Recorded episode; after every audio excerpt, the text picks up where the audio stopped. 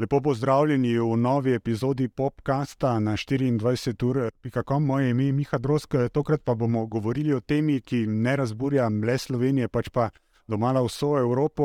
Um, o njej podrobneje tudi nocoj v rubriki 24 ur inšpektor. Govorimo pa seveda o odločitvi Evropske unije, da bi po letu 2035 prepovedali uh, avtomobile z motorji na notranje izgorevanje um, torej benzinskih in dizelskih. In na to temo je moj gost, uh, predsednik društva E-mobilno Slovenija, Ignat Završen. Uh, lepo pozdravljeni dobrodošli. Hvala ja, za vabilo in za čas, ko ste ga namenili. Zdaj zgleda, da bo zgolj formalnost, pa se vendarle zapleta. Zdaj nemški Nine in italijanski No um, zavirata prepoved klasičnih avtomobilov po letu 2035. Kaj za to, po vašem mnenju, pravzaprav pomeni? Bo prodaja novih avtomobilov z motorji na notranje izgorevanje v teh 12 letih prepovedana ali ne? Ja, to je stvar odločitve politik. Moje razmišljanje o tem je, da vsaka nova tehnologija rabi nekaj časa. Strani prehoda, recimo slovenskega prehoda, se treba zavedati, da je povprečna starost avtomobilskega parka v Sloveniji 12 let. To pomeni, čez 12 let bodo ta vozila povprečno stara 24 let po vsej verjetnosti jih ne bo več v voznem parku. Ne? In če se vozni park zamenjuje, je bolje, da se zamenjuje z električnim. Ampak zdaj, če govorimo o tej prepovedi, eh, zakaj sintetična eh, goriva, ki si jih želi zlasti Berlin, eh, po vašem mnenju za Evropsko komisijo, niso sprejemljiva? Z, iz energetskega stališča. Za pridobivanje električne energije, seveda, lahko je pridobivati iz različnih virov, fotovoltaike, nuklearka, termoelektrarna. Ampak, če to energijo direktno uporabimo v električno vozilo izkoristi 80%. Če pa to energijo uporabimo za pridobivanje sintetičnih goriv, je pa izkoristek 20%. No, in tukaj tiči tudi odgovor. Cenovno ni sprejemljivo, razen seveda za določene aplikacije, kot sezonsko shranjevanje energije. V takem primeru za transport pa je enostavno preveč predrago, potratno. Ja. Zdaj, da je treba na neko pot uh, podnebne neutralnosti, to se verjetno dan danes strinjamo, doma vsi. Vprašanje je pa seveda, kako. Ne? Zdaj, kot najbolj razširjena možnost, se vsaj za zdaj kažejo torej električni avtomobili. Kako dolgo ga že vozite vi? Oh, zdaj, če govorimo o osebnem vozilu, od leta 2014 dalje, če govorimo o električnem triciklu 2004 dalje, če govorimo o električnem kolesu po 2001, tako približno. Zdaj, seveda, leta 2014 eh, je bila situacija drugačna. Kogarkoli si srečal na cesti, si vedel, kdo je.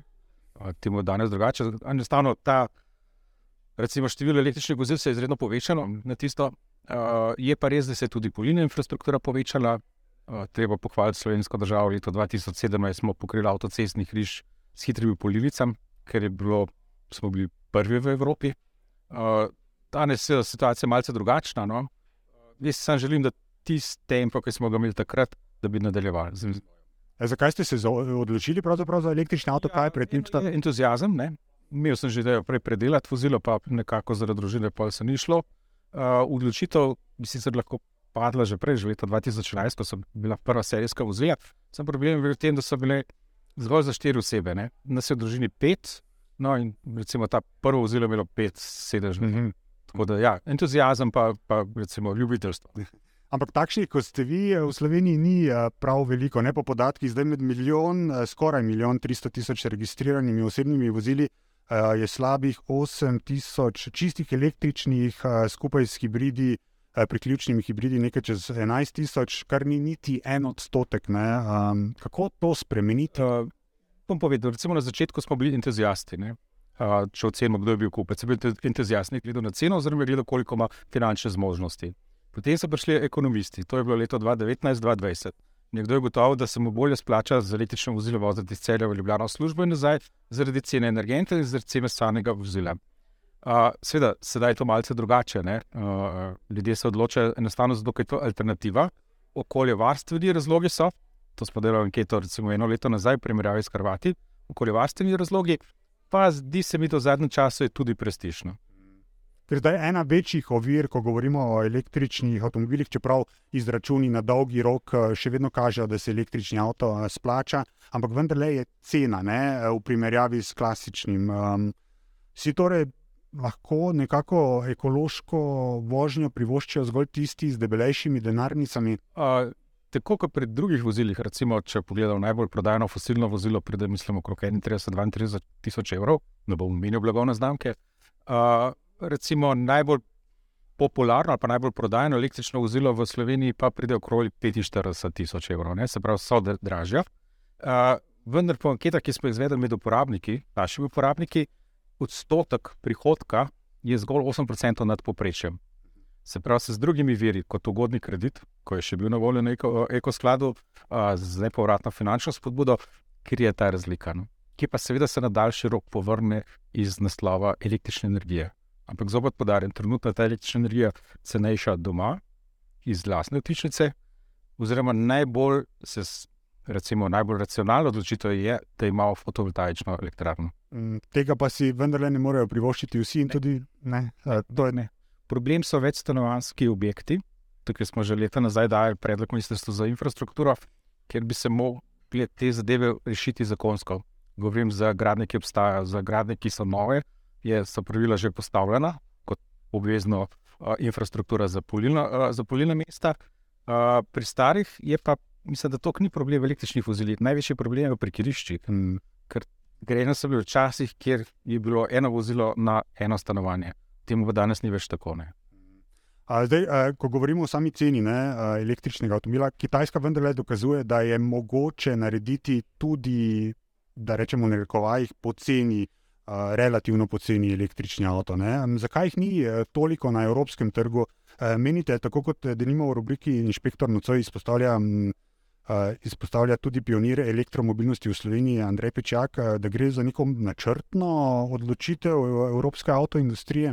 Jaz ne bi rekel, da gre za načrtno, gre se bolj dostopnost do zadostne količine baterij. Zdaj, ker Evropa ima sicer svoje tovarne baterije, ampak definitivno ne zadosti v tem trenutku za prehod, uh, za razliko od Kitajske. Mislim, da 80% baterij prihaja iz Kitajske na tak ali drugačen način. Uh, postavljajo se tovarne baterije po različnih državah, skandinavskih, nemških, mačarskih, polskih. Uh, tako da plani so samo, da dve do tri leta pričakujem, da bo zadostna količina. Jaz, jaz vidim problem v količini baterij, množično proizvodno. No, tako, no. To je eno od jabolk, v katero bo morala zagristi tudi Evropa. Torej se je. Uh, zato, ker sredstva za recimo, investicije v tovarne baterije so na voljo, se izrabljajo in to je največji hit trenutno. Največji problem je ni toliko denar, ampak kadrovska sredstva. Kamorkoli prideš na neko konferenco, je cel kup ljudi, ki išče kadre. Ravno za take tovarne. Zdaj, ko smo govorili o polnilnicah ne, in predvsem težavah v eh, večstanovanskih soseskah, eh, pričakujete tukaj nek ukrep eh, države, zakon je v pripravi, je sprejet na vladi, zdaj gre v državni zbor. Mislite, da bo to rešilo te težave? Uh, ja, problem večstanovanskih objektov, kot sem rekel, so parkirišča. Izhajajo iz druge dobe, kjer je enostavno projektirano, niso bili zadostno število. Se pravi, tukaj je problem, ampak če to zagotovimo kot ostalo infrastrukturo, recimo v našem predlogu je bilo 500 metrov od stanovanja, kot je javni promet, je rešljivo. Druga zadeva pa, koliko bodo se ljudje za to odločali. Zdaj, ob učinkovitem, hitrem in dostopnem javnem prometu je v mestih seveda lažje priti v center z učinkovitim avtobusom. Uh, sam nisem pa, da tega javnega prometa v tem trenutku učinkovitega ni malo no, in tudi udobnega. Ne. Ja, to je ena od težav. Je, tukaj potrebujemo hitrejše rešitve tudi na področju javnega prometa. A, bom povedal primer iz Osla. Ne. Kraj oddaljen 15 km, kako grejo Norvežani v center ne, na nek dogodek, podelitev. Ja, grejo z vlakom. Ne. Je 15 minut vožnje, cena je približno takšna, kot je strošek parkiranja v centru, pa hitreje prideš. Ne? Udobje, si pa vrsenečen, sediš. Tako da, ja, ja, to smo sprobali z našimi norveškimi kolegi in uh, jasno, v takem javnem prometu, zakaj bi pa trošil več, če ni potrebno. Mm. Zdaj, zlasti na Avtomobile zvezi Slovenije opozarjajo tudi, da bi bilo morda bolje uh, vlagati tudi v druga goriva, v druge možnosti, ne samo v elektriko. Ne? Recimo po eni strani pomlajevati vozni park z čistejšimi benzinskimi in dizelskimi, tudi hibridnimi avtomobili, tudi plinskimi in v prihodnosti morda celo vodikovimi. Ne? Ja, trenutna tehnologija ne, uh, kar se tiče energentov, kaže na smer, ki se reče električna energija, direktna uporaba električne energije. Seveda so možne tudi rezervni scenariji, uh, stališča uh, stroškov, ne vidim razloga. Stališča varnosti, se pravi, da obvladujemo tudi druge tehnologije, da. St, kaj se bo pa prijelo? Lahko navedem primer, tovorni promet. Uh, vsi pravijo, da ja, bomo vodik imeli za tovornake in bo to rešen. Ja, ob količini energije, ki lahko že danes shranimo v bateriji in uporabimo za prevoz, ni to logično. Hmm. Ob uh, megavatnih polnilnih hubih, ki se pripravljajo v Sloveniji, zopet ni logično. Ne? Ob novih standardih 3 megavatnega polnjenja za električne tovornake, zopet ni logično. Uh, se pa strinjam, vedno rabiš plan B. Kar nekaj bomo verjetno potrebovali, ne? in kar nekaj časa je še, ne? 12 letih lahko še marsikatera tehnologija se tudi razvije. Marsikatera, tako kot sem poslal tisto primerjavo. Tehnologija se razvija v električnih vozilih, tudi kakšna tehnologija baterij se uporablja.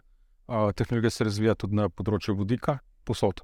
Sam glede na vse skupaj dvomim, da bo to šlo. Določene aplikacije, da, da sezonsko shranjevanje, da za transport pa ne. Zdaj, ko govorimo o baterijah, je vprašanje tudi, kaj z odsluženimi baterijami. Ja, Jaz bom izpostavil en primer, no, ker je vsem dobro znana, ne, svinčene baterije v klasičnih vozilih. Ne. ne vem, če kdo danes vrže to svinčeno baterijo v smeti. Pa ne zato, da, ker bi ga nekdo tam čakal, ampak zato, ker dobi nek denar za to, oziroma nižjo ceno novega svinčenega. In podobno je vrednost teh baterij samo dosti večja. Ne predstavljam se nekoga, da bi vrgel recimo tisoč evrov v smeti, če lahko dobi ta denar. E, ker so materijali, eno so materijali, To je že v bistvu tretje življenjsko obdobje, drugo življenjsko obdobje so pa hranilniki v hišah, v večstanovanskih objektih ne? ali pa energetskih, uh, recimo, trafo postajah. Hmm. Tukaj je veliko možnosti, samo uh, če gledamo, kaj zavržemo. Ne, ne verjamem, da kdo zavrže vrednost. No? In to je vrednost. No?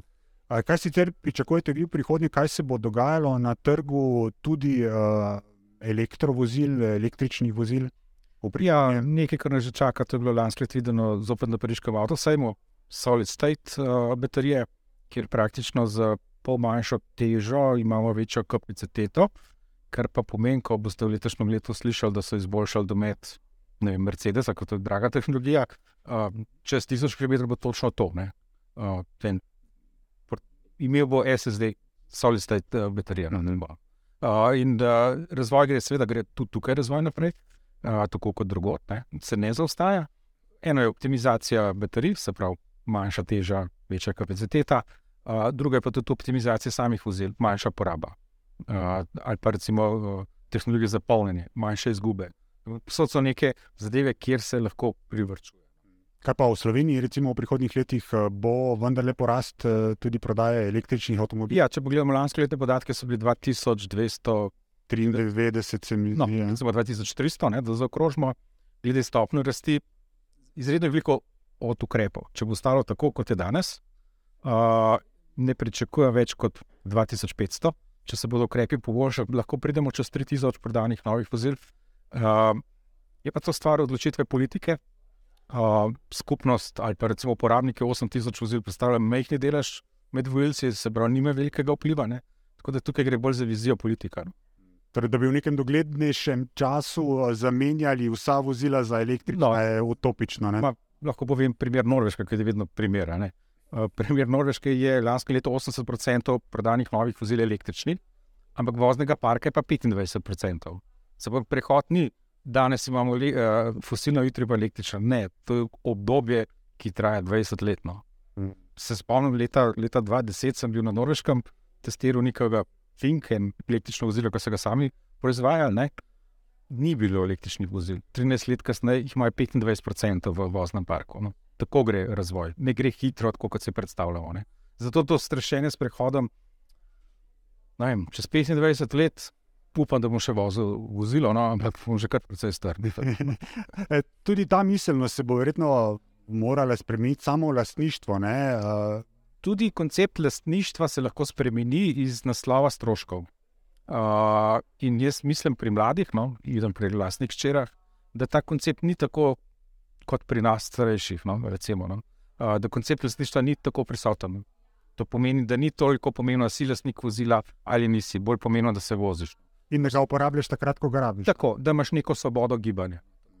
A zdaj, ključno vprašanje po vsem tem pa seveda je, ali bo po letu 2035 mobilnost še dostopna za vse. Ja, jaz bom tako rekel, če bomo razviti tako, kot smo danes, in stopno razvitosti še naprej nadaljevali, da. Če pa temu ne bo tako, pa ne. Ker je pa izredno težko, da bo ne, ker v končni fazi živimo praktično v sredini Evrope. Uh, tako da ne verjamem, da ne bo dostopna. Bodo pa drugačne oblike, ne? to pa da. Najlepša hvala za obisk in za odgovore. Prosim.